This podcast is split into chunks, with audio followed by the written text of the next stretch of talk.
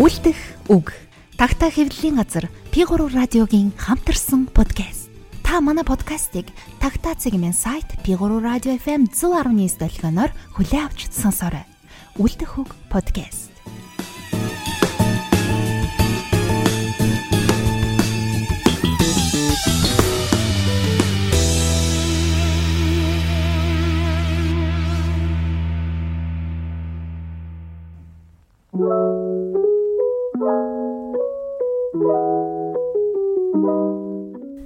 За сайн бацхан сонсогчдоо Тагтаа явлын газар P3 радиотой хамтран явуулдаг Үлдэх үг подкастын маань энэ дугаар эхэлж байна.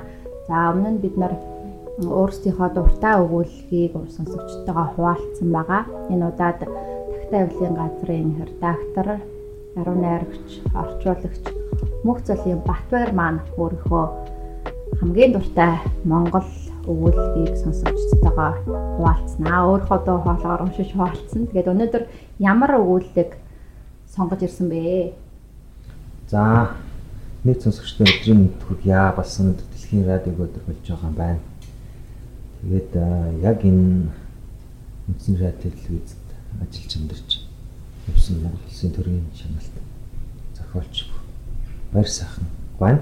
Бүржвэн баяр сайхан. Бүржвэн баяр сайхан байна фактурын тал өгүүлгийг сонгож ирлээ. Тэгээ бас яг өөрийнх нь ажиж амьдарч байсан газар ирээд дэлхийн радиог өдөр энэ өгүүлгийг уншиж байгаа тус тогтолж юм сэтгэлдэг сайхан байна. Бэлгшээлтэй гоё юм шиг. За тэгвэл эхлээд өгүүлгээ хэдүүлээ сонсчоод дараа нь өгүүлэхэд гоё ярилцах юм ээ. За тэгье. Фактурын тал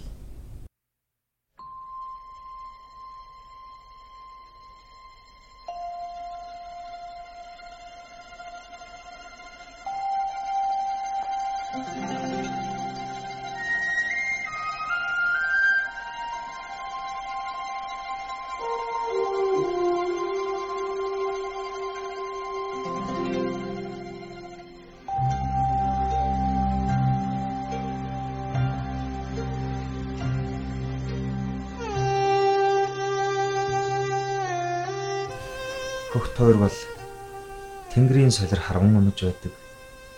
Нар өдөржин туулахтаа ч цуцдаг. Агуу уужин талндаг. Гандаж онгосон шавар хэрмийн хэсэг бусаг үлдэж энэхүү их талын уйлах зэрэглэлийн дунд зүрмэглэн байдаг юм.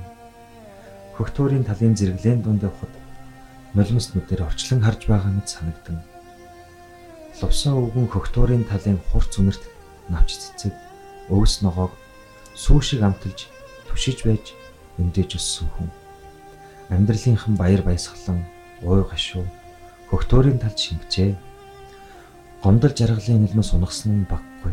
Нулимсан туслан шингэсэн өвс ногоо хөгтөөрийн талд ургаж хагдарч бас дахиад л ургаж байдаг. Энэ тал нутаг хайртай дууг нь жилгэндээ тэрвэрэн авчээ. Одоо тэр дууг өвгнөөс өр хэн ч үл мэднэ. Тэр дууг гараагүй бол өвгөн өдийд ямар шуу явах байсан юм бэ те мэдэхгүй. Нэг л мэтгэд дуулж явжээ. Бүрэнхий цаг нь боллоо дэлгэрмаа. Бүрхтэй залуу нэрлээ дэлгэрмаа. Ой нүгэл яваараадаа дэлгэрмаа. Улбаа нүгэл удаараадаа дэлгэрмаа. Дуулахаар нулимсан урсаад хоолой зандирдаг юм.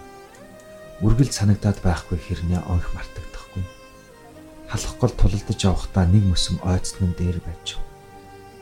Хөхтөөрийн талаа гэж дэлгэрмаагаа гэж тулалдаж яваад тэр чигээрээ ойдсон бол сэтгэлд амар дөхөмж байж гэж лувсан дайнаас иргэн иржээ.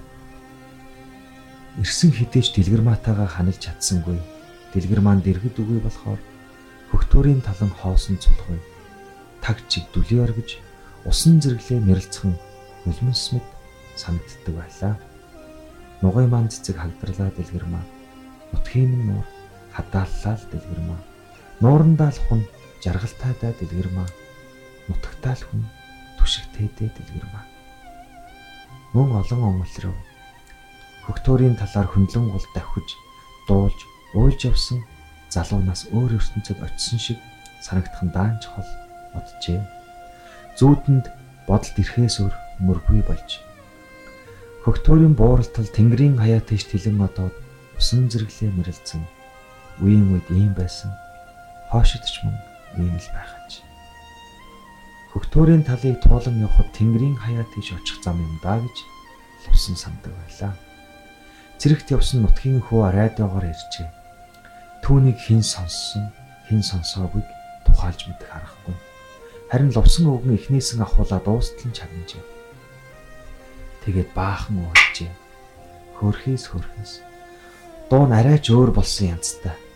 Хаа байгаа хязгаараас ярихлаар тэгж дуулдагч байж мэдэх юм. Гэхдээ өнөөхөл багын шулга дуу хിവэрэ. Түүгээр нь хаач хаанаас ч ирсэн таних бололтой юм аа. Хөөрхийс хөөрхийс. Ингэхэд хөгшин ихэн дуулсан л байгаа да. Мөнгнөө хөгшин бодилсаар байгаад дуулаагүйч байж битгэл юм. Ихэн мдээгүй бол энд тэндгүй хичнээн шуугуулсан ч ямар хэрэг байх вэ? Лувсан өвгөн туслах малчны доо орж хоймор тушаан завилж суугаад гэрийн эзэгтэн цайгалахыг харж өнөөдөр ч магтууштай сайхан өдөр боллоо гэв хилээд явах вэ гэж эмгтэн хэлэх нь нутгийн хүүгийн ярихыг бас л дуулжээ. Ер лувсангийн цуурных нь радио чагнадаггүй хүнгүй. Өвгөн загнаж загнаж байж туслах мачныгаа таранзистер химээх жижигхэн хүлээн авахчтай болгосон юм байжээ. Тэр шидэт дөрвөлжин нь энэ айлын толны өмнө цагийн цагтл гялалзаж харагдана. Гэтэл бас өвгөн хот ороод ирэхдээ бүр жижигхнийг авчирч өгчээ. Наадах чинь явах вэ? Бөөр дээрээ байг. Энүүнийг биедээ аваад явж бай. Бэлчээр дуу сонсох үг чагнах сайхан байдаг юм гэжээ. Хуруун чинээ годгор зайн тижээлтэй ийм хүлэн авахч өвгний ташаанд зүйлдтэй санжганж л явна. Дээр цагт хит утга биенээсээ салгалгүй ингэжил авч явдаг байсан. Толны өмнөх хүлэн авахч таг чиг байхыг бодвол унтраажээ. Дандаа л асаалтаа, залгаатай байх ч учиргүй хөдөө газар зай тижэл гэдэг чулуу шавар шиг дил сул хөвтөж байх биш. Хайрлах хэмэгдэх хэрэгтэй. Өвгөн аяхтай цаанаас оочлон намхан ширээний тавьж ташаандах бяцхан хүлэн авагчаа өвөр тушаага барив. Товчийг нь эргүүлбэл под хийх чимээ гарч баг зэрэг шууг хайдаад хөгжим гიშгэлв. Тэр аялгауг хаа дуусныг санахгүй ч танил оргино. Тэгтэл Монгол бололтой нэгэн эмэгтэй дуу дуулах нь харин хүн дуулж байгаа юм шиг сонив. Өвгөн тухайд суугаад хэсэг чагнаснаа мөн под хийдлэн дуугарган унтрааж ташаан тушаага эргүүлж аваачаад цайнаас очлоо. Хөгжим гэж сонин ичүү. Сонион сонин гэж эмхтэй ууранд цайн үзэнгээ хэллээ. Сонгодог хөгжмөл гэх юм. Хөгжмийг тэд сайн муу сайхан муухайгаар нь заагалдаг бол гэснээ. Өвгөн хойморт байгаа арсантай авдрын бөөр төшүүлсэн морин хуурыг харж Энүүнийг л сонгодог монгодог гэмээр байгаа юм. Тэгтэл үгүй. Аль эсвэл ондоо дуу хуурыг хилээд байна уу? Цаанаа лав нэг үчир байна гэв. Ёстой ёстой. Имхтэй зүгээр л өвгний үгийг дагуулна ярьж сурчээ. Өвг нь цай ууж болоод за явах мэн гэж өндийгөө туслах мачныхаа ихнэрлөө сүрхий тогтоон харж очирт хэлнэ үсттэй. Би хөгтөөр хүрэх минь. Должинд хүүгэн дуулахын цаад эмгэн чин мангайсан амт юу ч мэдэхгүй дөдөө оргиод л сууж байгаа ах. Тэгэлгүй яах вэ гэж эмгтээ нүцэн цаагаа гялгар төмөр лаазанд хийнгээ хэлв. Өвг нь толны өмнөх хүлэн авагч тийш зангаж хүн дахиад ярих ч магад маргааштаа ч ярих юм билүү. Заавал нэг давтаж ярьдаг учиртай гэлээ. Тийм юм билээ. Лувсан өвгөн хөгтөөрийн тал руу явлаа. Шивэн толгой ганхаж ялаа шумуул татраад газар нутаг шаржээ. Өвгний бордаалимбэн дээлч мөн онгож хандаад намрын адагсар аргагүй гарчээ. Өвгний унсан морь сайварлна. Хит цалгаар явж бас болохгүй. Хөгтөөр хүрэх гэдэг үүдэн хоймоо хүрэхтэй адилгүй. Ташаанд зүүсэн сокл химээх өвгөн түүнээ сахал гэж хошигнон нэрлэнэ. Жижигхэн хүлээн авагчин шаржигнан шуугаж ямар ч юмбдээ нэг аялгуул сонсогдно. Бас л хөгжим өчигдөр өнөөдөрч маргааш ялгаагүй. Дуусан дундарн ч гэж байдаггүй. Ариун баянч болдоо. Гэтэл чих тавиад сайн чагнавал тэр болгон ижил төстэй биш юм. Ярьж хэлж байгаа нь жон дондоо. Ингэхээс ч өөр яах юм. Найрын гац дуутай хүн шиг нэг хөгжин нэг дуугаал хөрвүүлээ цоргуулад байвал утга учир нь алдагдана үз. Улсч түүнийг мэдлгүй л яах вэ? Нэг хэсэг хөгжмийн ишиг урсаад нэг хэсэг ажил төрөл ярих юм. Газар дэлхий улс төмний байр байдал ийм байна, ийм байна гэж яриад тэглэхээр төгшүүр ургаад ухаан бодол сэртгэдэг шүү. Ажил төрөл дуртай хүнд энүүнийг нь дуу шуун дуртай хүнд тэрнийг нь гэсэн шиг л. Нарийн зааг ялгааг нь өвгөн тэр болгон мэдэхгүй. Адуу мал шуугихлаар л харин сонин. Өөрийнх нь бүтэн суур хон энэ муу жижигхэн хайрцагт орчихсон гэлтэй. Мөнчиг өвгөн хөдөө нутгийн өнгө зүс нь малынхаа дуун шуунд байдаг гэж итгэсээр л явна. Радиогоор хаяа нэг ус бороо асгах мэт хон мал шуугаад шин бууцны үнэр сад тавиад ирэх шиг болоход өвгний сэтгэл уужим сайхан болохыг нь яана. Мөнчиг гэж өвгөн бүр үннээсээ баясан үг үлнэ. Өглөөхнүр нутгийн хүүгээр радиогоор ярихлаар жигтэйхэн баярлжээ. Өөрөө л ярьсан шиг. Гэхдээ үг нь өөрийгөө хайрлаж явсангүй. Хүнийг өрөвдөж хайрлаж, хүний төлөө л уйлж явлаа. Өнөө өглөө мөн л уйлав. Нутгийн хүн ажил сурлагаа яриад, нутаг усаа дуудаж, сүү сайлын үнэр нэвтсэн бор гэрээ зүүдэлтэй гэж хуучлаглаар нь сэтгэл өмөлзөөд явчихжээ. Өөрийнх нь нэрийг хүндлэн дуудаж өөрийнх нь эсхийг ирээ зүүдэлдэг гэж ярьсан шиг л санагдаж байжээ.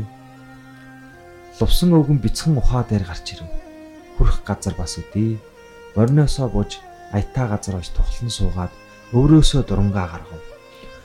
Дуранг хуучвдар торгоор тулмайджээ. Тэрхүү ганц нүдний дурангаар шагаахад өчийн бүрээ арилж гэгээ орох шиг болно. Нүд муу хүн хараа орсон шиг. Ийм учир өвгөн би чинь нүдээ өөртөлчхөөд явдаг хүн дээ гэж ярих нь бий нүдэж гэж нүдшүү. Хөгтөөрийн тал зэрэглээ хөвж энд тэнд ганц нэгхэн гэр усан доторх жижигхэн цагаан чулуу шиг гөвлцөн. Урд бол тэр гэр барааг саравчж хараад л болдог байжээ. Одоо бол дуран өдөө гар явуулахаас өөр аргагүй. Өврөө суулж нүдээ гаргаж байж л олж үзвэл үзнэ. Нас хөгшөрчээ. Байгаль дэлхийж бас хөгшөрдөг байлгүй. Аль эсвэл мөнхийн аршаан хүрдсэн гэмээр цэл залуухан хിവэрэ байдаг юм уу? Юу ч гэсэн эм бяцхан ухаагийн өвөрдөх удган мод хэдийдээ ч юм өмхөрч унаад сэрдгэр хожуулан л үлджээ. Өвгөн миний нас өтлөөд бөхцөж ирж байгаа чинь байгаль дэлхий өтөлжил байгаа хэрэг. Лувсан ингэж боджээ. Радиогоор хөгжим игшиглэж хөгтөөрийн тал өвгнийг тосон. Ерөөсөө энэ тал нутаг өвгнийг цагийн цагтал тоцож байсан да. Хүн болж тохон чинээ арвалцсан улаан амтэн ихээ сунсан цагаас ланх тосож авсан. Хожим дайнд яваад ирэхтэл хөөх юм уу ихнэр нь хүүгийнхээ хамт нулим сунган өгцсөн юм. Хөгтөөрийн талын зэрэглэлийн дунд явхад лусан ихнэрийнхээ нулимснуудыг самдаг байлаа. Аг залгичсан юм шиг хоолой гашуу оргиж нулимсан тунардаг байв.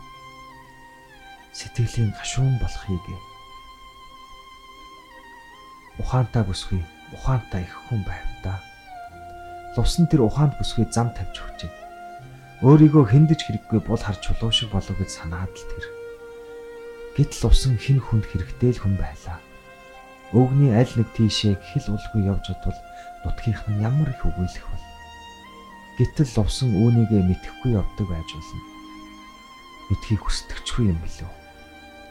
Өөрийг нь явж удаад хумхийн тоосноос долоон дор ор сурггүй болчихсон тэр үед ухаанд бүсгүй бие зөндөн хаяад амиа хорлох гэж зэхэд зилдэж явдгийг лувсан өдий өвгөн болтлоо олж мдээгүй л явна. Залуудаа тэрнийг мэдсэн бол гонж гутраад зовлонгийн туйл гівчэд хүрэх байлаа. Гэвч ихнэр нь амьдарч аж төрж ил явна.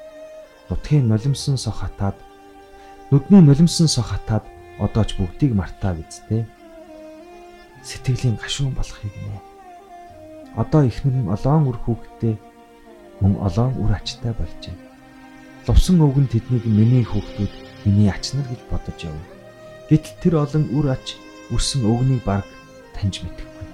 Миний эцэг нь, миний өвөө энэ гэж шал өмнөө хүнийг нэрлэж заахгүй. Өвгөнч дэлгэрийг эхнэр минь гэж амхандаа ботхоос биш. Яаж тэгж хэлж ярьж дуудаж яввэд. Айлын эхнэрийн нэр зээлсэн хэрэг болохгүй юу да. Эхнэрийнх нь өлнөс сох хатаад одоо ч өвгнийг бүр онх мартаа. Хөгтөөрийн тал намрын нарыг уусгасан гэлтэй мэлдээ шаргалтна. Мөтгөн энэ наран шигээ шав шар болох биз. Тэгээд удалгүй цасан дор жаал унтж нойр аваад чийг унахлаар ичээний амтан гуйжж байгаа шиг ногоон туяа босгоод өнгө зүс ороод ирэх байлгүй. Харин хүн гэдэг тусдаа юм. Лувсан өвг нь ингэж өнгө зүс орох, гуйжих инээ тэрийг мэдэх биш. Нарны илч гэрлийг тал гаруй жил бидээ шингээж явна. Сайн ачхууд энэ тал хөндөй шигээ шарлаж онгосон л байх. Хогтөрийн талын дэрттэй хязгаарт хідэн цагаан гэр бүртэлцхэн өвгнийг эрхийг л харуулдан байх мэт. Намрын хууч болсон авч охтон хулган ич харай болоогүй. Мөрний өмнө хойгоор гүйлдэж нүхэндээ шургана. Ямар зэвүүн золиг вэ? Хөнгөн тэрэг яваач юм шиг. Баг гэлтгүй хамаг бэлчээр талхалж орхих золиг шүү. Гэтэл энэ үеэс их талын гүн цагаан доос хөшөглөж нэгэн хөнгөн тэрэг нааш давхиж явна. Их л хурдтай яваа бололтой. Цагаан тоос улам л тодорч хорон хөшиг улам улам сунаж байв. Нэгдлийн дарга явж байж мэдэх юм. Ойрдоо сураг солилцсонгүй. Манайхаа зорж явж болдшгүй гэж өвгөн бодож яв. Эсвэл хот газрын явуулын улсуу. Өвгөн их талыг зүссэн шорон замд нийлээд хөнгөн тэрэгний өөдөөс хальгуулв. Бор ногоо өнгийн шив шинхэн машин давхиж ирэв. Огцон тоормзлон зогссон авч хаалган даруй онгойсонгүй. Нахилцсан төмөр урах хажуудаа хатгсан нарны гэрэлд гялалцсан. Нэг хэсэг азнаа замын тоос буусан хойно хаалга нээгдэхэд машинаас 40 иргэм насны ирг гарч ирсэн нь нэгдлийн зоо техникч байжээ. Өвгөн мориноос буугаад замын хажууд явган суужээ. Нэгдлийн зоо техникчтэй өвгөн үг нийлсэнгүй. Мал жинлэж явна. Танайд очино. Төвөөс ч улсууд хамт яваа гэж зоо техникч машин өдөөд охив. Машин дүнхээр хідэн улс сууж явв. Гэвч нэгэн ч бууж ирээгүй болохоор ямархай улс болохыг нь өвгөн сайн мэдсэнгүй. Өвгний ясыг туухайлж үсэх гээгүй л бол би заавал та нарыг дагаж давхиад яах втэ гэж өвгөн хэлв. Зоо техник шинэ костюмда наалцсан өлөн доосыг сурмаг нисэлж суурин ахлагч биеэрээ байх учиртай. Анкетч бөглөх ажил байна гэвэл өвгөн. Миний хүүхдүүд амжуулнаа. Чиний нүрийг төлөхгүй гэв. Өвгөн миний хүүхдүүдийг туслах малчныхнаа хэлжээ. Должин хөгшөнд хүүгийн тухай дуулгалгүй горгүй. Хүний мөсгүй юм болно аль хүн амтны радиогоор ярихыг тэр гэхэвдээ. Төмөн амтэн өдөржин шүнжин л ярих нь яаж дуулах нь дуулж байна. Тэр бүхэнд ингээд явбал хэдийдээ ажиллаа хийх вэ гэж зоо техникч хэлв. Жолооч залуу бууж ирээ тэргнийхээ шороо тоосыг идэвхийлэн арчиж зогсохдоо чих тавина. Сайх хоёрын үг зөрөв гэж тааж мэджээ. Зоо техникчийн ил үгэнд өвгний дургүй хурч энүүгээр гэж ташаан зүүсэн хүлэн авчаа заагаад чиний ярьсныг нутгийн улс мэдэхгүй л юм байна гэв. Зоо техникч машин өдөө явахдаа жолоочтой хандсан уу өвгөнд хандсан уу? Энэ өвгөнч малаа оторлох биш бие оторлдог болжээ. Хөнгөн тэрэг газрын шороо тоосыг үргээсээр давхиж одов.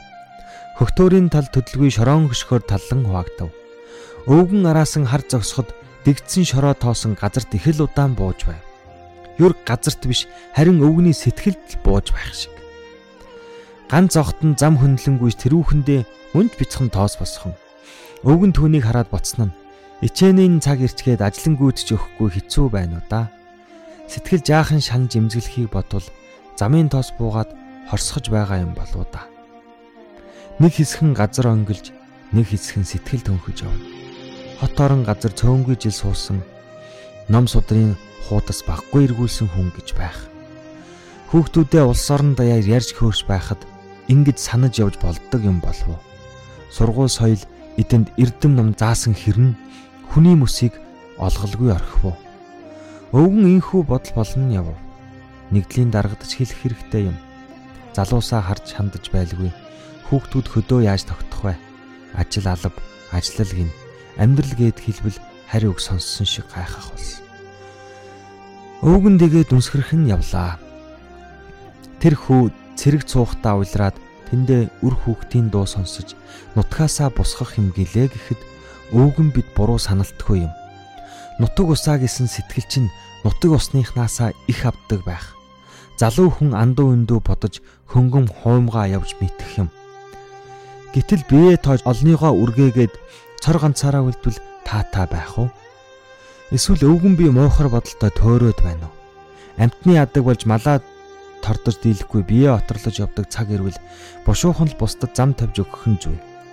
Тэгтэл бас хэцүү улсад зам тавиад өгчхөл хожим хойно сэтгэл амгалан хэвдэж чадахгүй. Лувсан хөгтөөрийн тал дах дурангийн хараанд бүртэлзэн байсан мөнөө хідэн цагаан гэрийн тойронд орж очлоо. Наран ташаад орой болж байв. Баяр гуниг сайн муу зөв буруу хар цагаан бодол сүлжсээр явж арайхийн хүрчээ. Лувсан наад захын герт буулаа. Базар өвгөн сургуульд байгаа охиноо эргэхээр аймаг явжээ. Гэвч өвгнийхэн хөлийн өмнөтэй байхан хотоос айлчин гичин ирж. Базрын самган гарын цагаа ууж хотын идээ дэлгэв. Болор химэх айхтар том шилтэй нийслэл хотын идээ өвгний өмнөх явган ширээн дээр шаваа. Өвгөн хэд гурван хондог тонгойлгожээ. Нутгийн хүүгээр аажгаар мэд ирж байхад байхад нь мэдээч үгээ сууж байдаг юм. Ийм улс байх уу да гэж базрын самганыг зэмлэж суув. Базрын хөгшин тунч аягүй үг дуулжээ. Дүлий чавганц чин өдөр бүрэл фаржигнуулаад суудаг юм. Өнөө харин гадна хотоос айлчин зочин гэрж өглөөнөөс аваад сэтгэл хөөрч юуны раажуута мантавдэ. Бас мал жигнэж байгаа нь энэ гэж нэг хэсэг ажил боллоо шүү дээ гэж өөрийгөө цагаатгах гэсэн шиг өгүүлнэ. Хүүгийнх нь ярахыг дуулаагүй байж должингийн өмнө үйлсгүй хэрэг тарилаа гэж ботсон байж магадгүй. Тэгээд хэрэгээ хөнгөлөх гэсэн юм болов уу өнөөх болор химээ хідэнээс лувсанд шавдуухан хундаглана. Должин дуулаагүй байж таарлаа. Сонссон бол ярьж хөөрөх гэ танаа руу хараад ирэхгүй юу гэж лувсан хэлв. Цаад хөгшин чинь манай өрөөс нь л сууж байгаа. Харин дэлгэр өнөө ирээд гэж базрын самган хэлв. Тэдний хинүүхэн туурын дооттой буусан гин. Хотоос улс ирв гэхлээр хүүгээ асууж сурах санаатай ирээд манай энэ хэд хүүг чинь таньж мэдэхгүй бололтой юм аа гэв. Хотоос ирсэн авгаа сая ярианд оролцож түн түдэгнэж бом бужигнаж баг газар аль амтэн хүнийг таньж мэдхэвдэ гэж уучлал ирсэн юм шиг хэлв. Лувсан гаансандаа тамхич ихэж нээрнч тийм дээ гэжээ. Яриандаа тэрүү архиндаа халаа тэрүү нулимсан цэлэлдэжээ. Миний хүү гэж сайн хүү би. Муу хөгштөө мартдаггүй хүн байгаа юм да гэж ярьлаа. Ээ дэлгэр дэлгэр өөрчин олоон үр заяажээ Гэтэл ганц хүүгмэн гэж амиа тавьсаар л явж байдаг. Бидний нас амьдрал ингээд л ус нутгийнхаа хоёр захад өнгөрөв шүү дээ. Хувь тавилан гэдэг бидэнд ийм л зураг бүтээж орхисон байна. Дамбийн би ямар хуу гинэв дуулвуу гэж лувсан асуу. Тааруу гинэ. Дэлгэр сая ирээд өвгний би муухан хуучин хөдлөөд суун тусаад байна. Хэвтээд өгөхгүй л гэж айх юм гэж ярина лээ. Гэхдээ хөөхий дөө гэж лувсан доороо санаа авч хэлв. Өвгчүүлж дорджил байна да. Лувсан базрынхаас орой мордов. Уяа руу явхдаа баг зэрэг говьс хийхийг нь үзвэл хотын идэ өвгний толгойд гарчээ. Өвг нь мордоод олжин хөвшнийх рүү тааваар алах болов. Дув дугурыг саран мандаад саруулхан гэдэг нь. Бадрын самганыг лувсанг мордуулаад орж ирэхэд ууж чалсан юм алга Тэгтлээ юун амархан согтдох юм бтэ гэж хотоос ирсэн авгаа өгүүлнэ. Үнэхээр хотын эдээ огт дундарсан шинжгүй харагдана. Лувсан ямар балгах биштэй. Өвгөн маань байсан бол хоёулаа жаахан гангар гунгар хийх байсан да зайлуулах хийнэ. Базрын самган өмөөрөнгүй хэлв. Ганц би өвгөн үү? Ганц бие залуудаа өнөөдрийн ирсэн дэлгэртэй байгаад болсон юм аа. Зайлуултаа болж бүтээгүй юм байх та гэж хотын авгаа өрөвдсөн ч юм шиг үгэн тулсан ч юм шиг хэлв улсын ярих нь дайнд яваад шархтаж бэртэнгтэй буцаж ирсэн гэлцдэг юм. Тэрнийг нь ямар нүдээр үтсэн биш. Дэлгэрч амны их биш. Дайнаас сэргэж ирээд хэд унтчихад ирсэн шигээл гинэт алга болчихсон гэдэг юм. Муу авгаан хэдэн жил ухаан солиотой юм шиг явж ашгүй дамбитай нийлж суугаад жаал гайгүй болсон доо хөөх юм. Тэгэхдээ энүүнийг яаж тийм амархан мартах вэ? Одоо хотод байгаа тэр хүүг нэлэх нойтон авч үлдсэнийг эцгийнх нь нэрээр андуурч дууддаг байсан гинлээ. Энэ лувсан тэгж алга болохдоо аймгийн төвд очиж хэдэн жил тэрэг хөтлж ус зөөсөн юмдаг уу да. Тэгээд хожуу ирсэн. Одоо бодол ганц бай явсан да. Бусдын зовлон ямар эд бүс шиг барьж химжээд мэдэх биштэй гэж базрын хөгшин хуучилжээ. Аз муутай л хүн юм да. Сарн төгрөглөж аз муутай бэртэнхтэй хүнийг ийгүүлж байв. Сарны дор морин хуур игшиглэж уртын дуу хангинахыг сонсвол бэртэнгтэй хүн райдогоо хасаажээ. Дууч гэж дуу юм аа. Өвгөн согтоод морины хажуу руу говьлон найган явна. Нулимсан урсжээ. Хувь заяандаа гомцсонгүй. Дэлгэрт гомцсонгүй. Ганц хүүдээ гомцсон нь бүрч үгүй. Тэгээд хиндээ гомтоо бай. Нүдэнд нь нулимс тунраад сарны туяан дор должин хөгшний ганц хэр цайран харагдах юм шиг үгүй юм шиг. Должоон хөгшөөн гэж лувсан өвг нь дуудан явв. Хизээний өөрийнх нь хөгшин шиг тэнхүү дуудан явв. Унсан хүлгэн эзнийхээ сэтгэлийг мэдсэн шиг тааваараа халахлаа.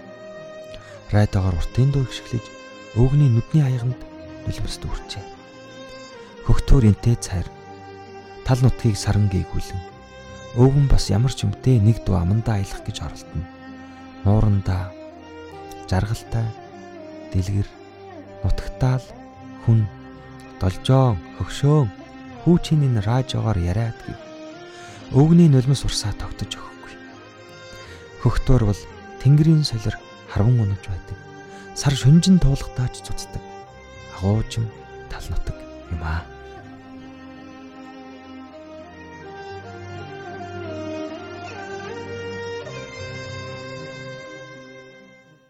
За ингээд дэлгэр бүсгэн тухай сайхан өгүүлэг сонслоо. Одоо тэгээд студид олон дэлгэр ба.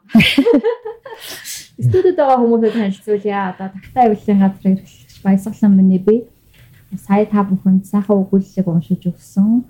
Тагтаа авилын газрын редактор, орчуулагч Яруу найрагч Мөнх цолын Батбаяр. За тэгээ манай ерхий редактор Цагаан чулуугийн дэлгэрмаа яруу найрагч. За бас нэг дэлгэрмаа. Маш олон дэлгэрмаа аваад ирсэн болохоор өнөөдөр дэлгэрмаа гэдэг үйл өөрсөн. За тагтаа авилын газрын редактор орчуулагч Гасар оргичгийн дэлгэрмаа байгаа. За дэлгэрмаанууд мань ер нь яагаад байна та? За энэ өгүүллэгийг сонгох болсон шалтгаанаа тий Батэр маань сонгох болсон шалтгаан тэгэл амар миний дуртай өгүүлэг.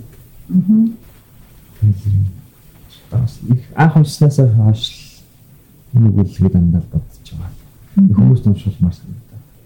Их гоё өгүүлэг юм чи анх одоо хэдэн уншсан. 11 2 онд л одоо уран зохиолын хичээл дээр их сургуулийн хичээл дээр л орж ирсэн. Тэгээд тэгээд анх унших их гоё өгүүлэг санагдсан. Юу гоё. Юуг нэг би чинь өөрөө хэлж мэдэхгүй гэдэг шиг. Өөрөө чинийхээ юу чинийхээ юу сайхныг чи үнийг хэлэхэд чинийхээ юу сайхныг өөрөө ч би мэдэхгүй. Өөрөө ч мэдэхгүй маа. Өөрөө ч бусдад гайхуул ярьж чадахгүй. Сая нөгөө өгүүлэг дээр гараад ингээд ингээд сэтгэл гашуу оргоод гэдэг хэлж шиг. Уншихаар ингээд сэтгэл гашуу оргоод уяраад юунаас олдсон бүү тэгэл нэг л их гоё. Тэнийг дотор ингээл задлаа дээр яг тэрний учир шалтгаан гарч ирэх л байна та. Одоохондоо ингээд томдод ерөөхдөө хэлэхэд тийм гашуу оргуулдаг өгүүлдэг гэсэн. Өөрөө ч би мэдэхгүй мөртлөө нөгөө бүхэн ингээд сайхан. Аа. Бэгч бүхтүүрийн тал. Харин би бас яг мартсан би сая мууг уншсан чи яг эргэж сэргээл. Аа Тийм нөгөө энэ баяр сайхангаа өөрөө нэг нэг гоё нөөгөлж бичдэг те нэг тамхи нэрэл сууж байгаа нэг хүн ч нүдэнд харагдах шиг яг сая сонсож байхад. Нэг гоё нөөгөл тэгээд нэг тийм юу кимтэй нэг амьдралын аливаа нэг юм хүчлэхгүй яг нэг хүний амьдралыг яг нэг урсгалаар айгу гоё өгүүлчих тий энэ өгүүлэх дээр тэрний ялангуяа айгу их тийм тод. Тэгээд тийм гоё талын ингээр тэр нэг хөхтөрийн талт тий тэр нэг цэглээсэн талын тэр нэг илгэнд амьдарч байгаа Монгол хүмүүсийн амьдрал ахуйг тий а радио холбоос төрж орж ирээл. А холойрын сонинд болдог болол тий энд байсан хүүхэд тэнд очиж мэдчилгээ дэвшүүлээл. Сонгодог хөгжим мөгжмийн зах зах хүртэл яриад бас нөгөө манай нэг нийгмийн тэр нэг одоо социализм руу шилжиж байгаа тий тэр хөгжиж байгаа тэр үе мүйг Тэгээ тэр дунд тэр нэг тал дээр тэгээ тэр хүний нэг амьдрал яаж өрнөж байгааг санаа сэтгэл нь яаж эвдэрч явааг эсвэл эвлэрч явааг ингээд их тийм сайхан яг байгаагаар нь бичсэн. Тэр нь л их гоё сэтгэл. Ягаад гэдэм болов? Сэтгэл хөндөөд нэг тийм гоё гүнигтэй мөртлөө нэг тийм нэг тийм сайхан гуник байдэн штэ Тийм тийм сайхан гуник мэдрүүлдэг өгүүлэг юм уу? баяр сайхан гой нүгэлгээ 28 настайдаа бичсэн гэдэг байна. Тэгээ бүр ингээ өвгөрч хөшрөөд амар их амьдрал үзсэн юм шиг яаж ингэж бичдэг юм бол гэж бичсэн байна. Биширчээсэн байна. Тэгээд өнөхтэй тэгсэн мөртлөөс айгүйх тийм гэрэлгээ тий одоо ингээ хүн ингээд юу ч тулсан амьдралд тийм нэг хүн чанараа одоо сэтгэлээ зэврүүлэх гэх юм. Тийм юм мэдрэгдэг. Тэгээд бас нөгөө Монгол хүний нэг тийм одоо хинтч юунд ч хүмүүсийг буруутгахгүй ч юм. Тэрний гадаж хүүгээж буруутгаагүй, дэлгэрээгэж буруутгаагүй гэх тэр нэр нь одоо биднэрт жоохон дутаад алга болоод байгаа чанар юм байна гэж бод бодож ингэж сая бас тэгж бодогдлоо. 28 гэсэн чинь муу ч ихтэй 28 муугийн насны дээр хөөх гэж сая дуу алдах гэснээр аа муу ч 28 настай за 28 настай ийм хүүхдээс ийм гарах уу гэж бодсон муу бодсон чи гарах ч юмсан баясаа гэсэн юм би санаа радиогийн тухай тэгээд радиотой холбоотой өгүүлдэг юм баяр сайхан гоон тухай ингээд яасан ч яг хувийн дурсамж сэдвэрлээ Би 2018 онд анх радиод орсон. 8 онд 8 онд 8 онд 2008 онд 8 онд орсон чинь нөгөө би шинээр радио станцтэй энэ шинээр радио станцыг аа бүр жовын байр сайхан зохиолч маань одоо бараг насаараа удирдах авч явсан. Радиог дарга байсан. Дараа шинээр радио станцын бас ерхээр доктор байсан. Тэгээд нөгөө анх ажилд орсон чинь тэр арин нарагч цагдварчин байгаад орж эрхлэгч нь болсон байсан л да. Баяр сайхан гоо өөд болцсон байсан. Тэгээд надад нөгөө юм ширээ сулж өгөөд шинээр орсон. Тэгсэн чинь миний ширээ нөгөө тэнд чин дандаа шагтар суран гой, санаагийн мөнхтөр, цэндийн чимэд дорж, павгийн цагдварчин баавд орж том том мондуу, радио их мондуу та. Тэгсэн чинь миний ширээ тэдний ширээнээс хамгийн том байгаад Тэгээ би өөрөөдөө яамаа авч чи яагаад бэ? Ингээд том ширээн дээр суугаад байгаа юм болоо гэж тэгсэн чинь баяр сайхан гоо ширээсэн. Тэгээд нөгөө өөд олцохоор нөгөө хүндэтгэл байгаа шүү дээ. Тэр хүмүүс бүгд хүндэтгдэг болохоор хэрэг ширээнд нь сууж зүрхлээг юм бэлээ. Тэгээ намайг авсан чинь байгаа ширээ өгсөн чинь баяр сайхан гоо ширээ. Тэгээ тэрийг нэг удаа манай чимээ халамцуу. Чи том хүний ширээн дээр сууж байгаа шүү Бүгд баяр сайхан гэж том мөний ширэн дээр сууж байгаа шүү. Тийм болохоор мундаг байгаараа гэж хэлжсэн. Тэгээ дотор нь мандлаг бол одоо бүх юм байгаа гэд. Тэгээд ажилд орсноос 3 сарын дараа нуулахын татж үзчихсэн. Имэж имэж гэсэн чи хэрэгжилжсэн. Нөгөө air 7 биччихсэн нэвтрүүлэхүүдийн текст нь зарим нэг зураг балан тэгээд байсан. Тэгээд Тэгээ бүр дараа нь олон сарын дараа нэг гоё ихч, нэг цаав цагаан гоё ихч. Цагаан сар шилэн сумын зүр ингээ соёлцож орж ирэл бид нар чихэр боо тараагаал. Тэгснэ нөгөө намаагаа манай өвгөний ширээн дээр сууж байгаа хөхтөө. Эхнэр нь харж ирэл. Айгуу тэгжсэн. А тэгээд радиод богинохон хугацаанд ч гэсэн ингээ ажиллаж үзэж байхад төрсөн сэтгэл бол яг энэ нөгөө энэ хүн энэ радиогийн төлөө ямар их одоо хайртай сэтгэлтэй тий радио гэдэг зүйл бол энэ програм байр сайхан гэдэг хүний бүр амьдрал болчихсон. Ийм зүйл учраас тэр радио хүмүүс сонсох аа тий ис сонсох радиогоор юу явах юу өсөх бүх юм айгу хамаатай. А тэгээд тэр нөгөөний тэгээд талд хөхтөрийн талд амьдарч байгаа нэгэн өвгний амьдралыг одоо энэ радиотой холбож бичсэн нь одоо би зөвөрийн дотор нь зурвасгаа ажиллаж үзчихсэн хүний үед айгу аргагүй дээ л гэж бодогдож байгаа харахгүй тий бас радио энэ хүнд ямар хүчтэй нөлөөтэй амьдралынх нь ямар хэсэг үлээ тий тэр айгу ач холбогдолтой. Тэгээ тэр нь болохоор жирээнийг өвгөнд одоо яаж хүрдэг вэ гэдгийг тэр өөр тэр өөрөө бас мэдчихэж байгаа шүү дээ. Радиогийн ач холбогдол хөдөөгийн малчаардад ч юм уу тийм. Аа ямар байдаг вэ гэдгийг мэдчихэж байгаа учраас тэрийг бас ингээ хоригсуулж бичсэн одоо бас харахгүй бас project байр сайхан гэж хүний бичих ёстой зүйл байсан бахаа гэж бодож байна тийм. ихнийхээ асуултанд дахиад дэлгэрэнгүй хариулъя. Би нөгөө анх уншиж байхдаа нулимс чигтэл язх чигтэл тэгжсэн. Тэгээд би ер нь байж байгаад нэг унших болгондоо энэ язх чигтдэг байхгүй. Тэгээд нэг айдаг юм ингээд ойр ойрхон уншсаар хагаад ингээд уншихтаа ингээд уурхаа байж хуйдэ гэдгээс нэг тийм айд шиг юм төрдөг.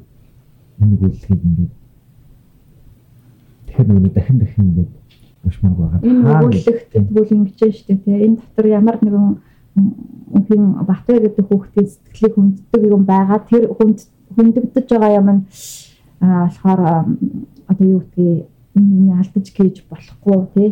Нэг юм байж тээ тий. Тэр ингээд алга болчих уурхаа байчих гэдгээс яагаад тэгээд амар нандинаж ингээд их зайтай зайтай хаанаг гаргаж ингэж өөрөөсөө баг нууж байгаа тэгээд. Тэгээд бас нэг ихэнх шалтгаан бол тийм байсан. Тэгээд дараагийн нэг шалтгаан би нөгөө нэг ингээ хитэ уран зохиолын ангид сураад техникийг орчуулад уншаад ингээ явж байгаа. Энэ суурин соёлын гиншилтэй энэ хүмүүс чинь нийтээрээ ингэж коммунаараа амьдэрдэг. Тиймээс охинууд угаас ингээл хэрэлдэл хэрэлдэл золдол зодлол идрэл идрэл ингээл байж идэг. Хүн хоорондын харилцаа амир нэгт. Өглөө гараал хүнтэй тардаг, өглөө гараал хин гэдэг контактлах юм хэрэг болдог амьдралын юм. Тэнгуут нөгөө нүүдэлчтэй амьдрал болохоор бидний болохоор тийм хэм маяг болохоор яг эсэргээрээ амьдралынхаа туршид хитгэн хүнтэй уулзсан байдаг. Хитгэн хүнийг таньж яадаг. Аав чихээ гэрээс гараад одоо хурим боллоо гэхэд хажууханд нь тусдаа гараад гэрээ барьсан. Тэгээл энэ ах トゥ нар дотроо 20 30-аад хүн дотор л баг амьдрал амьдрал ингээд дуусна. Тэгээд тэр ч утгаараа ингээд хөл зовлон болоход их юм гэж шууддаг гэх мэт тийм хөл зовлон их тийм хүн дээр яаж авдаг юм шиг санагддаг. Тэр чигээр нэгэндээ их нандин юм юу гэдэг. Тэгээд яг нөгөө суурь иргэншилтэй тийм хүмүүсийн амьдрал шиг ингээл үргэлж нэг контактлаад яагаад байх байх гардаггүй хэрэг гардаггүй тус тусдаа нэг хүслэн болж ингээм амьдэрдэг. Тэгээд ер нь ингээд нүүдэлчдийн зохиол бичгээр тэгэл хүн хоорондоо юу хийх чинь ингээд юу л явдлаа гэх юм багтаа байх юм шиг надад санагдав. Юуг нь яаж бичнэ гэж би айгу сүүл боддог болсон байна. Суурийнхын бол ингээд нэгний алж чинь тийм одоо дэн засхан дээр гэхэд яадаг тийм нэгний алж чинь авс авч дамл зарж чинь юу гэдгийг тийм үү. Гэтэл үйлчлэн тийм юм ховорхон жилтэй нэг хор хор. Тэгэхээр энэ хороо харилцаа үүсэх болохоор энэ зохиол ирнэ ингээд яаж бичигдэх юм. Нүүдэлчдийн хэв бид нар тэгвэл ингээд яаж илэрхийлж яаж гаргах ёстой гэж би боддог. Тэгээд бүтээмжгүй юм шиг нэг сонь санагд явсан үе надад байдаг. Тэгээд нэг аягүй тийм боломжтой ингэж л хийх юм шүү гэд надад ингээд үргэлж зааж идэг өгүүлэх болох юм байхгүй. Үйл явдал байхгүй. Гэрээс мурдал өдөржин талан шогшуулаад нэг айлд очиж байгаа л нэг юм үйл явдал дунд нь нэг дарагтаар ингээд харж байгаа. Хоорондын харилцаа юм баг. Тэгсэн мөртлөө эндээ миний цан маш их юм ингээд нууж суурь иргэншил рүү ингээд мэдэрч байгаа тэр нөөдөл иргэншлийг мэдэрч байгаа суурь иргэншлийн соёлын элементүүд байна тийм үү. Тийм аа хүн хүн байгаль хоёрын хооронд шүтэлцээ тийм үү. Тэнд нэг хулган өгөөд жижигхэн тоос манарч яхад ингээд талхаж ийн гэж харагдаж байгаа. Тэрнээс агуу том тоос босгоод 60-с ингээд гараад ирж байгаа. Тоос татуулаад хөхтөрийн тал гээд ингээд хөхтөрийн таллыг ингээд одоо энэ өгүүлэх дотор баг. Хөхтөрийн энэ талыг ингээд харахаар эхнийхээ нулимстануудыг ингээд харж байгаа юм шиг надад санагддаг. Тэр ингээд энэ хүний дот дээр гадагшаа ингээд харж байгаа юм шиг мөртлөө яг цаашаах энэ хүний дотор байгаа ууй шаналнгийн тал нь энэ хөгтөрийн тал юм шиг тийм. Доторх нь эргүүлээд ингээд тавь тал болгоод ингээд харуулж байгаа юм шиг. Дотоод шаналн тэр юм шиг. Тэм тэнгүү энэ өгүүлэх дээр одоо сайн гарч байгаа талыг ингээд хоёр хуваагаад жарыг судлан дахиад алга болж байгаа. Тэгэхээр энэ хүний тэр сэтгэл дээгүүрл ингээд хоёр хуваагаал ингээл явж байгаа ч юм шиг. Эргээд нөгөө нүүдэлчдийн амьдралд орж байгаа суурийг хэмжлэлийн элементүүд яаж ингэ нэвтэрж байгаа юм. Райд бол гин юу гин. Тэрний нөгөө нэг байгальтайгаа харилцах харьцаа гэдэг зүйл айгүйх гүн гүнзгий учраас а байгальтай яг ингээд байгалыг амтшруулж баг ингэж тий яг хүнтэй байгаа юм шиг ингэж харьцдаг. Сайн нөгөө хэллээ шүү. Өгүүлбэг эхлэхдээ тий хөхтөө төөрön талын нөгөө энэ зэрэглээг харахаар оо нулимстаануудаар орчин ширтэж байгаа юм шиг гэдэг тийм тэг ингээд нулимстануудтай ингээд оршин ширхэг ингээд мэлмэрсэн л юм тийм хамт нь зэрэглээ гүйлзээд эсвэл одоо нөгөө энэ хөхтөрийн талд ургаж байгаа өөснөгөө бүхэн өөрийнх нь нулимсыг шингээгээд тийм нулимснаас нь ургаж байгаа юм шиг ч гэдэг юм уу. Ингэж бичсэн байсан тийм тэгэхээр ингээд ингээд өдөр тутмын амьдралдаа хүмүүс бие биентэйгээ харилцахгүй ч гэсэн байгальтаа нүүдэлчүүд бол байнга харилцдаг байгальтаа ярьдаг байгальтаа сэтгэлээ хуваалцдаг тийм байгалаа сурдаг байгальд сургадаг. Одоо юу гэдэг бүх юмыг ингээд яадаг байгальтай айгүй их амьд амьд холбоотой. Тэр тийм татж байгаа нэг жарисны тоос ч гэсэн тий. Ямар нэг юм сэтгэлтэн заавал хилчээдэг ийм болохоор тэгээд тэгээд тэр тэр нэг байгалыг амьдшуулсан байгальтай харьцаж байгаа байгаль өөрөө энд бие даасан нэг дүр хөхтөрийн тал гэдэг энэ байгаль энэ энэ тал бол өөрөө нэг том бие даасан дүр болж ингэж гарч байгаа нь айгүй энэ Монгол зохиолчдын юм уу эсвэл зүгээр барьсан сайхан гон ч юм уу өнөхөр бичлэгээ урж чадвар юм тийм ганган мөртөө хөл. Тэгээд тэр одоо хүн хоорондоо өглөө бол босоод харьцахын боломж болоход чи ингээд одоо лувсан өгнөд үг энэ тал сонсоо шингээж энэ тал ингээд сонсож шингээгээгүй бол өгн одоо ямар шууч амтан явах байсан юм гэдэг чинь тэгвэл өөрийг нэг сонсож хүлээж авсан юм нөгөө тал нутхан байгаа. Өөрийг нь тайвшруулсан газар нь тал, нулимсыг нь тусаж авсан газар нь тал. Бусдаа нөгөө хэн нэгэн эрт нулимсыг нь арчиж өгөөгүй. Тэгэхээр эндээс л нөгөө миний сайн ярьдаг нүүдэлчтэй амьдралын яг бол энэ маягаар бол ингэж хийсэн баг. Тэгээд энэ зөрчлөн их гой санагдаад өгдөг. Тэр нэг эцүү талын дунд жариста тиймээ зоо техниктэй тааруулдаг. Хоёр өөр чиглэлд явж байгаа. Энэ бүр амар гой зөрчлөн харагддаг. Хоёр өөр чиглэлд явж байгаа. Хоёр өөр унаатай. Нэг мартаа нэг нь жариста. Тэгээд эсрэг чиглэлд явж байгаа. Тэгээд уулзаад ихээр яриа бас нийлэхгүй байна. Тийм. Энэ тэмүүт яг л бас манаа ингээд иргэншил хооронд ингээд шилжиж байгаа юм уу бас ингэгээр ингээд талын хийлэн дээр ингэж гоё энэ хоёроор тавьж өгсөн юм шиг. Нэг солонгос кино санаанд ороод нөгөө одоо энэ радиогоор дуулж байдаг яаж ч байдаг хамгийн амтналгад яадаг штэ ярьдаг штэ юун сонирн байдгийг улсын ажил алдагдуулаад гэдэг штэ. Солонгос кинонд нэг яг ингээ хүүн телевизээр гардаг байхгүй тэгсэн чинь нөгөө авгаа бол нөгөө хүүгээрээ бахарх гал хөршүүдтэй чинь миний хүү телевизээр гарсан гэсэн чинь нэг атаархаа хөршин тэр телевизээ чинь муур нохоо хүртэл гарч ирдэг юм санав. гэдэг шиг. Тэгээ радио бол тийм одоо яаж байгаа ямар ч радио бол яг намайг бол хүүхэд байхад монголчуудын ялангуяа хөдөөний арт түмэн амьдралын бол маш том хэсэг байсан. Би өглөө олгоо би нөгөө эмигэндээ хомрынх нь орных нь хомрын авдарных нь урдуур ингээд өвтөг ор тавиад унтдаг. Тийм байсан. Тэгээд нөгөө авдар дээр радиотай өглөө болгон төрийн дуулаар радио гарс ирнэ. Орой орой нөгөө радио жаргахаас амар айн амар гонхтой амар амьдрал үнэхээр гонхтой болдог. 9 цагт радио зогслоо. Жонгнол бүр ингээ яг ингээ тийм юуны Монголын радио зогсоол араас нь нэг тийм маскагаас мангал хийх. Тэр нь бүр амар холоос заяа. Тэг яг тийм тийм хайр гайргийнс нэг тохой тэмдэг ирж байгаа юм шиг амар тийм жонгнол муухай орж ирдэг.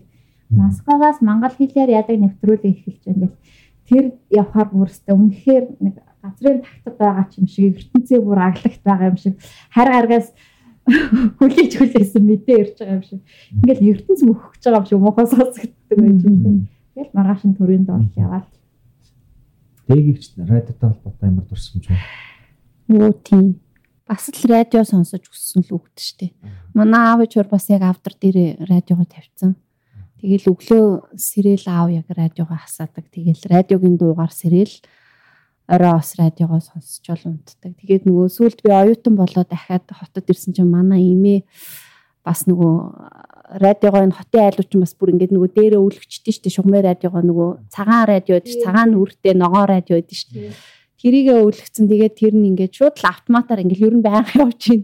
Яг нэг студид байгаа юм шиг эмигийн радио тэгэл байнга явж гин. Бас бүр оюутан болчоод хүртэл би яг радиогийн дунд Монголын радиог сонсож тэгэл бас л тэгж яг тийм радиотой холбоотой холбоотой ч байх бас яг л тэр соёлын дунд телевиз гэхээсээ илүү радио илүү ойр гэдэг шүү.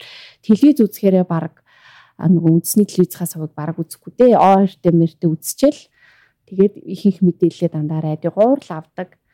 Тийм Тэгэл нөгөө хүсэлтэй хариу, малчин нэвтрүүлэг, юу юу лээ? Айгу гой гой нэвтрүүлгүүд чи яг хөлөөгийнхэн тийм бүгд тийм улаан шугам юу мүү гэл айгу хөрхөн. Тэг хүүхдийн бас гой нэвтрүүлэг энэ төр байдаг гэсэн ш. Тэгэл сонсож л өссөн дөө тэгээд.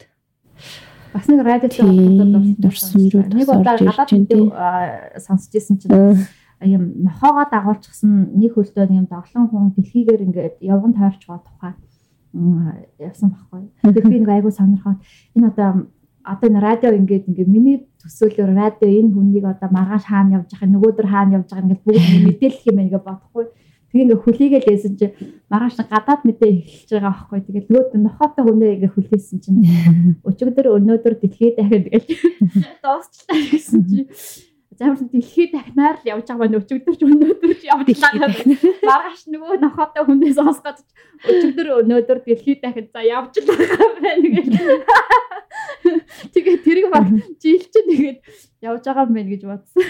Өчигдөр өнөөдөр дэлхий дахин тэгээд нам ямар ч сайн амьд л байгаа юм байна. Хөдөө малчин айлуудаар би бас аавыгаа их дагаж явдаг гэсэн. Наа авч нөгөө сумын дараа малчтынхаа амьдралтай уйлралт явж танилцдаг. Тэгэл хөдөө очихоор илүү тэр нөгөө радио гэдэг юм яг одоо энэ үгэлгийг ингээд сонсохоор яг тэр дурсам сэдэрж байгаа.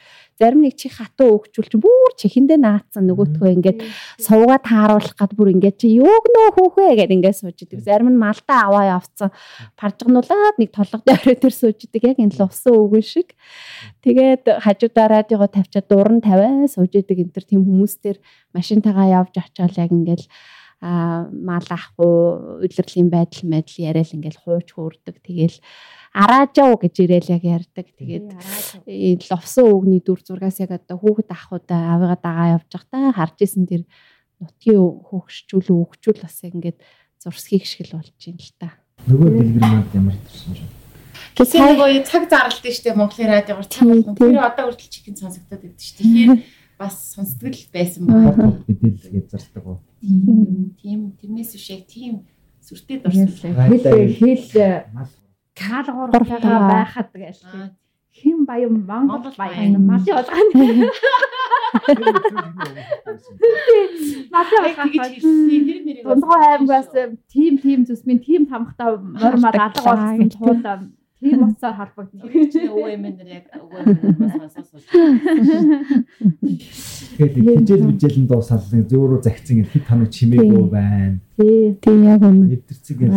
Далгоо малгоо юу нэвдэрсэн гээл ягаал. Тэгэл нэг хууч яриад эвдрээ таад шинэ радио авах юм гоо хуучныг задлаа сорон зурн цайгаад. Тэгээ одоо хүүхдүүдэд зайгаар тоглох бол үнэхээр амар амар явдал шүү дээ. Бид нар чинь хуучин радионы тоглолт дууссан зайгаар тоглоод том том том том зай. Тийм дүү зайгаар тоглоо. 6 ширхэг зай ордог. 6 зай. Би бас мэдчихэж байгаа. Дөрвөн зайтай бас гарсан юм аа чиг юм уу те. За тэгээд би одоо нөгөө өгүүлгийнхаа юу өвөө өвөө маань товсон. Товсон өвөө маань. даймаас жоохон бэртэнгтэй эрэнгүүтээ дэлгэр маада зай тавиад чинь тийм зовлон болохгүй. тулд зай тавиад өгчлөө тий. Тэгээд цаашаа яваад муухай ямарлаа бүр амьдралаараа ямарлаа ганцаараа би сая тэрийг бодлоо нөгөө бэртэнг гэдэг нь хашлтанд ингээд нэг бэртэнгтэй л гэл нэг нэг тийм битүү те нэг тийм битүү хатуу юм яваал. Мань хүн уг нь өмнө нь бол нэг хүүтэй байгаад тахшгүй шүү дээ. Тэгээд ирээд бол ингээд одоо дэлгэр матагаа амьдрах боломжгүйгээр мань хүн би бас бодохгүй дайм манаас нэг тийм жоохон эрэгтэй хүний хувьд те нэг жоохон тийм хэцүү юу бэртэнг авцсан учраас мань хүн айгүй тийм уужуу ухаанаар тэр эмхтэйгээ ихнэрээ те хайртай эмхтэйгээ ингээд э, цааштай амьдралын ингээд бодоод. Тэгээд энэ хүүхд тий хүүхд туурын тал гэж яагаад нэрлсэн бол гэд муу өтер ч бас нэг гарахын өмнө нэг туур мөр яриад тий туур гэдэг чинь нөгөө нэг юмны хуучин туур балгас. Аа ингээд хуучин нөгөө юун зохиолыг бас туур гэдэггээд ярьж исэн чинь тийм тэгэнгუთ одоо л усны өмнөх амьдрал бол те дайнд явахаас өмнө магадгүй тэр хүний амьдрал бүхэл талаар боломжтой тий хайртай бүс тий сүмдэрлэж байсан чинь дайнд яваад одоо бэртэнктэй болоод ирлээ. Цаашдаа ерөөхдөө ингээд гэрээ эзэн алин аав болоод явхад жоохон тийм хэцүү дээ тэр хүн яг тэр хүүхдүүрийн тал шиг тийм юм одоо ингээд өөрөө бол тийм өөрөө тэр туур болчихж байгаа юм шиг.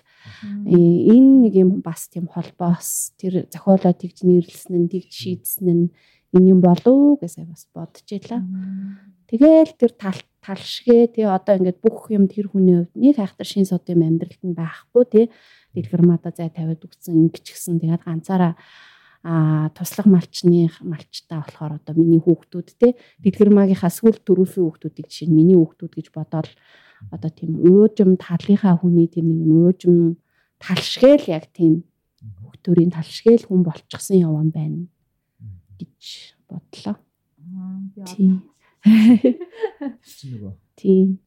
сарны гэрэл азгүй бэртэгтэй хүний бат Тийм, тэр- байлаа гэдэг. Тэр хэсэг амар тий бүр бэртэнктэй хүн радиогоо асаасных байлаа. Сарны гэрэл бэртэнктэй хүнийг гээгүүлж байлаа гэл гэл. Тэр тэгэл Тийм. Тэгээд нэг жоохон архиндаа хүлччихвэл хөрхий долж байгаа хөгшөө ингээл ингээл нэг гансарсан нэг өвгний жоохон хүлчүүрхэж нэг тэр үхэндээ хийрхэл те зайлвал. Тийм. нэг юу санаанд орчлаа. Манай нэг найз Армени зохиолч. Тэгээд нөгөө Арменч угаасаа л бүрхтэй байхтай байсан шүү дээ. Тэгээ сайхан нэг тийм нөө юу эсээ өвчсөн байсан. Дайнаас хинж аа урдын хэвээрээ ирдгүү Ирдэггүй. Яг. Аа тэгээд нөгөө аав нь насаараа нөгөө дайны фронт дээр имч байсан. Аа тэгээд дайн тусахад эргэж ирээд одоо яг өмнөх шиг аав байж чадаагүй. Гэр бүлээ маш их зовоос одоо нэг юм амар дайны травматал ирэхгүй. Тэгээд тэр улс орон даяар алтартай их тийм гэвч одоо эргэж ирээд гэр бүлтэй бүрэмхээр амар их зовлон болсон. Тэр хүн нөгөө нэг үе мөч аа, одоо бүх юм бүрэмхтөө тахир дутуу биш. А тэгчээ тэр хүн дайнаас авч ирсэн тэр нөгөө сэтгэлийн шарах тэр цочрол бүх юм нь эргээд нөгөө эрэхэд одоо тэр хүний хувьд одоо нэг нөгөө түрүүний ярьсан үлээ. Яг А тэгээд тэр бэртэнг бол одоо энэ хүн бол энэ бэртэнгээ аваад энэ хүний амьдралаас дэлгэрмаагийн амьдралаас явцсан юм шиг. Нөгөө хүн бол ерөвэн тэр одоо манай арамга найз аав нь бол өөр хүүхдүүдээр ирсэн гэр бүл дээр ирсэн. А гэвч үнэхээр тэр дайны фронтод амссан бүх аимшигтай зовлонгоо гэр бүлтэй мэдрүүлсэн, мэдрүүлж амьдэрсэн. Тэгээд тэрний тухай танаас хинч бүрэн бүтээн өртгөө гэсэн тийм эсээ сайхан бичсэн тэрийг би бас э, уншсан. Тэр бас санаанд орлоо. Тэр яа харахгүй энэ хүн одоо ингээд нэг морь унаад ингээд яваад байгаа юм магадгүй аа бие эрхтний үед бүрэн бүтээмж байгаа тийм. Магадгүй манай орой хэлдгээр бас эрхний хувьд тийм ингээд амьдрах боломжгүй болцсон байж магадгүй. Эсвэл тэгвэл маш сэтгэл санааны амар травма болсон гэж магадгүй шүү дээ. Даймаас тийм өөрөөрөө одоо хашгир сэрж мөрдөг ч юм уу? Тий эсвэл зүгээр л ингээд ингээ амьдралыг ингээ хүний нүдээр талах боломжгүй болчихсон тийм тийм болохоор тэрнийг аа дэлгэрмаада алтаахгүй тул өөрөө аваад явсан байж болох юм тий. Бас нэг дайнд хинч ялдаггүй гэж бас үг гэдэг. харин тийм тэр санаанд орлоо Тэр ихтэй юу галлатер багш билүү тэр нэг бэртгэхийн тухай юу гэж тодорхойлцсон юм. Ад жаргалын цорог гэж байгаа юм л да. Эрэгтэй хүнийхэн одоо билгийг тэгж байгаа. Ад жаргалынхын цорог нь ингээд бэрчсэн байна. Гой нэг дахин дахин дахин дахин лохораад идэг Бэлгэн одоо ингээд бэрчсэн байж байгаа. Тэрнээс яасан гэсэн зүгээр тийм тамиг юу. Яг нөгөө сүулт нь дэлгээр чи чамд олон өөр хүүхэд заяач ээ. Тэгтэл миний ганц хүүгэл ингээ явах нь өөрөөс нь нэг үлдсэн хүү байгаа шүү дээ. Тэрийгээ илүү ингээд байна уу даа гэл. Тэгээ нөгөө нэг зам тавиад өгснийх нь ардуур нөгөө дэлгэр маань ч гэсэн ам амиа хорлчмор санагддгийг өвгөн яаж мэдхүү гэл те. Тэгээд бас мэдэрдэг л байгаа юм шиг байгаа те тэр а, хүүхдөрийн талд явхад ингээл нулимсэн ягаал сэтгэлийн гашуун орг хийгээ гэл те. тэргээр тэр нэг доторх шаналнгийн тэр нэг талдаа явж байхдаа л хөөрхий тэрийг ингээд хинд ч гомдохгүй хинд ч харуулахгүй байгаа. Тэгээд та- тийм талтаа л явж байхад нүлэмсэн ингээл ягаал сэтгэл нь гашуун өргөөл тий.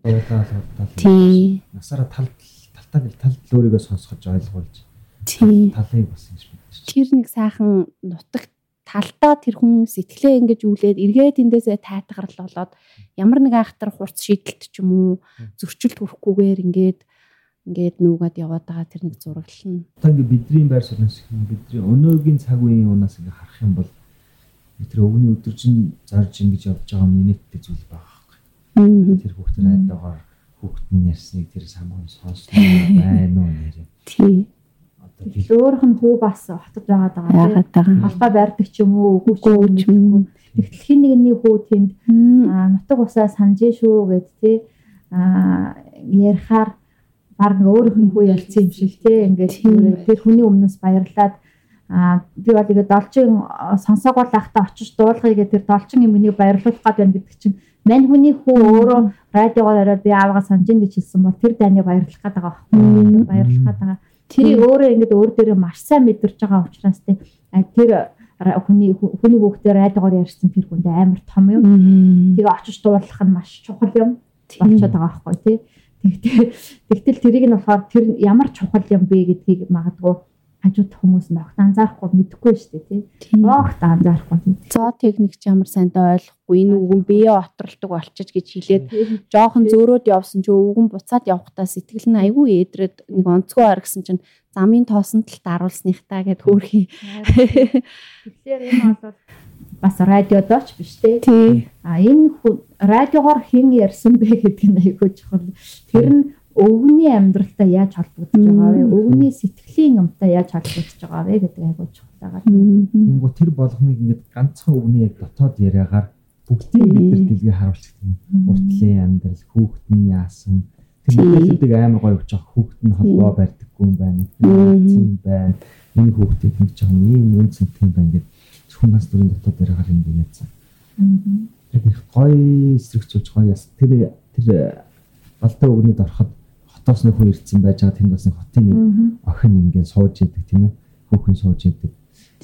Эсрэг зүүж ингэж тэр ингэдтэй ингээд тавьж байгаа. Тэр ч бас тэдрээс хүүхдээ сургалсан чинь бас таньж мэдэхгүй юу байгаа. Олон газар одоо хэн энийгээ тавих одоо юм байдаг. Энд гэхдээ бас нөгөө нэг 80-аад оны нэг за 80-аад он хүртэлгч гэх юм уу нэг манаа нэг айгүй тийм хэв шинж өгүүлэлэг зохиолууд байдсан шүү дээ. Тэднээс бас айгүй илүү ялгаатай тий. Тэр яг л эзлэн хөдөөгөө ах хүн нэг одоо нэг өвгөн эмгэн гэд ингээд нэг дөрүүд өгүүлж байгаа боловч тэр илүү дотгошин ингээд бүр тий.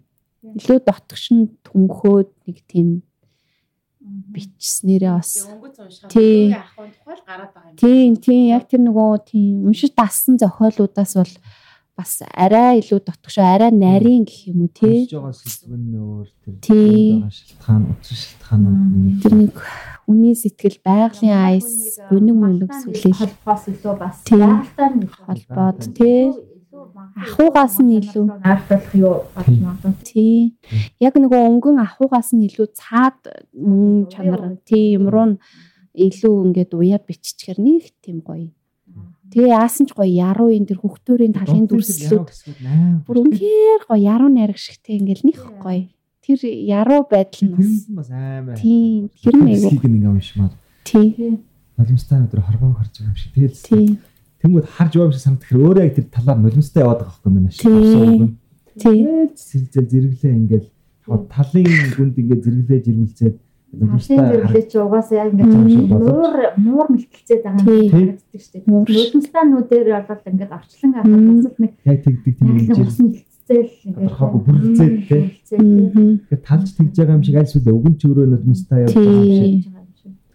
Үнэхээр энэ давхар давхрын ёгтлууд тий подкаст энэ төр айхтаа. Гэтэ 28-нд бичсэн гэж би сайн сонсоод байна. харин тий бас л тий Үнэхээр гоё. Тийм.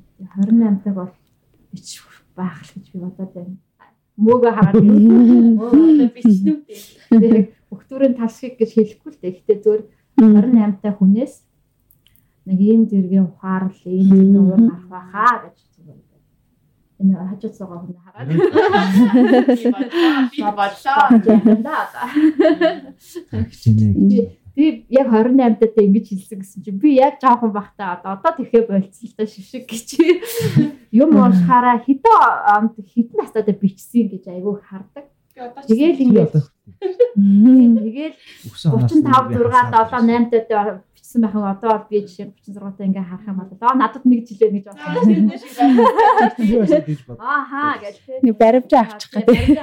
Би чи 20 хэд мэдтэй ахлаа нөө Рамбам Рамбо чи 18 8-тад амар амар бичсэн пүүх гэж ингээл те.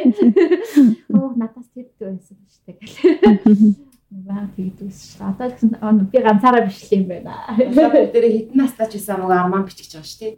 Заавал хөвшөрсөн байна. Өдөрийн тал харин би нэрээ сая бодож шүү. Хаан тийм газар нэр байдгүй. Барьсан хош аль нутаг. Завхан. Завхан. Аа завханд тийм талаа. Завхан чинь ер нь хангаш шүү. Тийм. Ихтэй зохиомл юм. Харин ингэ зохиолж өгсөн. Эсвэл манайд байдгийн болоо да. Хэй байвал яг тэр тал дээр Очмоор байна тийм. Бүгд явъя. Манай нутагт чи өгөөмрийн тал гэжсэн. Яа амар тал. Танаад ишин. Хүүхдүүрийн тал байвал очиод уйлаад алхаж үзье. Дэлгэрийн тал гой гой нэрсэн шүү дээ. Тийм.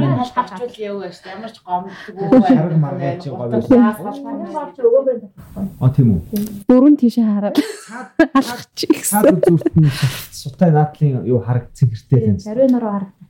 Чихгүй шүү дээ. Яа яа. Тэс амар од. Тал нутгийн тухай хамгийн гоё сонгодог шүлэг байдаг тий. Аа, нөгөө, асуулаа тий. мингийн тал. А нэмаагаан тийм. Өдөр асуулаа Мингийн тал. Явж явж асуулаа. тий. Явж явж асуулаа мингийн тал гэдэг. Мингийн тал, мингийн тал. Гэхдээ талчаас та хэцүү юм л шүү дээ. Ягаад би тэгэд нөгөө дүүрэн жаргалын хөрмөнд яваад яг талд очоогүй юу? Халахлах газар олдохгүй заа юу. Халууцгаар, салхилахаар ингээд өмрлөө суух мод олдохгүй, хад олдохгүй. Ямар айхтар уудам юм бэ? Тий, нүүм нүцгэн талчээс та хангаан бол сонин. Тийм, тийм. Бид нар ч яг тэр дорндын талаар гараад цаашаа тэгээд юу руу Монгол дагуурын баргад очсон шүү дээ. Баян баргын нут. Гаргаад бид нар хөрмөнд очсон чинь. Өө салхилахаар ч өстө нэр халахлах газар олдохгүй. За тэгээд нэг ард ошин нуугдаж эмэр гэсэн чинь бас нөмөр олсон. тийм нөмөр олдохгүй. Яг тийм юм бэл. тал дээр бас явуулсан уул нурууны тавлан энэ тал дээр явуулсан бас магадгүй зохиолч бас Тэгээ яг ингэж бодлоо би. бодсон байна те. Тийм бах Одоо би уултай газрыг тэгэхээр Хэрвээ би ямарх юм бол аль нэг агууд очиж хөвтчин заяа. Аль нэг уулын одоо нэг нэг а, хад чулууны ард очиод суучна.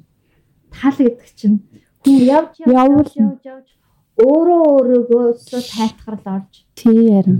өөрөө өөртөө тэр нүмрийг олохгүй болвол тэр тал болоод Яг үнэ. Эрэм Тий харин хилчилгүй ярин. Чилгүй шүү нэрээсээ нүмергүй шүү. Тийм. зохиолч бол тэрийг бас баг. Харин тий. Бусдаа ч уул хангаа давуулаад ингээд одоо Тий. начиг мангар юм битсэн бол одоо ч тэр өвгнийг энэ жоохон мэдээ хөрөхийн тулд тийм энэ жоохон мэдээ хөрөхийн тулд амар их бартаатай хавцал мавцлаар явуул. Явуулаад Тэр бол тэгж тэмдэг байхгүй шүү. Амар хэцүү цас шургуу. Мгм. Зүгээр л намрын тий зовоох гэдэг шүү дээ. Нэг жоохон нэтлээ энэ дүрийг ингэж зовж ил гэж одоо амхандаа би бол бодох гэдэг байгаа байхгүй. Гэтэл ингэж тар нүдэнд тарах юм зэрдэл ах юм. Тий. Тэгэл ямар цаадгүй тал дээр ямар ч ганц даваа давуулахгүй ингээд явуулсан мөртлөө амар шаналл хэцүү гэрхийг ингээд уншигчдад мэдрүүлж одоо.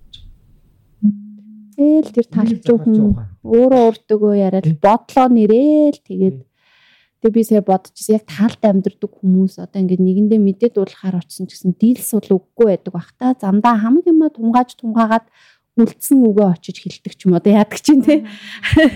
Их гоё тийм илүү дутуу яриаггүй одоо сая нөгөө муу бас нөгөө дин тосхныхан нөгөө хятадын ахуйтай зөөрлсөн шүү дээ. Тэрнтэй харьцуулахад бол тийм тийсэн өөр бүр тийм их тунгаамал те тэр хүмүүсийн үг хэл харилцаа тийм байх юм болоо да гэж бодлоо.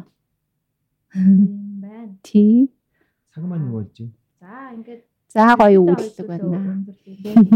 За тэгээ өнөөдөр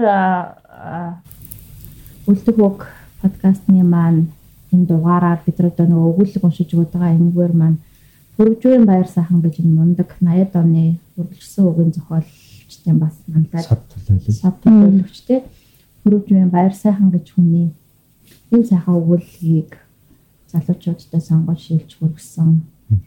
Тэртээ маш их баярлалаа. Тэгээд тэр том хүний ширээн дээр том ширээн дээр сууж исэн хүний хувьд бас нөгөө нэг ингээд за би таны ширээн дээр ингээд сууж исэн хүний хувьд таныг заавал ингээд залуучуудтай бас ингээд яана гэдэг сэтгэл дотроо өргөжсэн амгаагаа бас биелүүлж намын бас тагтай бас сармчин бол сармчин гэдэг эртээр гаргаж ирсэн. Тэгээ өнөөдөр бас дахиад залуу уншигчдтай энэ үнийг дахин сануулж байгаа баяртай. Одоо ч гэсэн баяртай наа. Дэлхийн байдаг өдрөнд хараад яг энэ хүн ажиллаж байсан газар нэрийг дүгэлгийн уншаад нээрээ сусч. Аа. Багаш гоё. За. За энэ зүйлгээ жаргаая. За. За та гуравтаа байлаа. За. Thank you.